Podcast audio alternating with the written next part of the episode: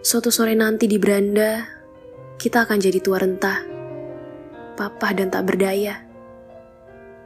Lalu kita akan sibuk mengutuk-ngutuki nasib dan negara, pemerintah dan para dewata, bagaimana keduanya tidak pernah benar-benar berpihak pada kita. Dengan tanganmu yang keriput, masih kau rajut mimpi-mimpi kusut. Jadi baju hangat untuk segala kenangan dingin yang tak mau lagi kita ingat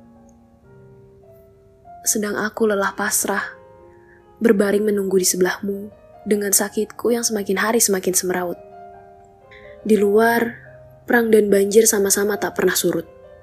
Anak-anak kita pergi jadi serdadu, dan pulang jadi debu dan bubuk mesiu.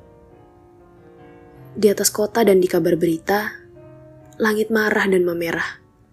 Sebab matahari telah mati dibunuh, darahnya tumpah dan luruh. Jatuh di atas laut dan pantai yang basah. Lalu, seketika malam pun tiba di depan rumah.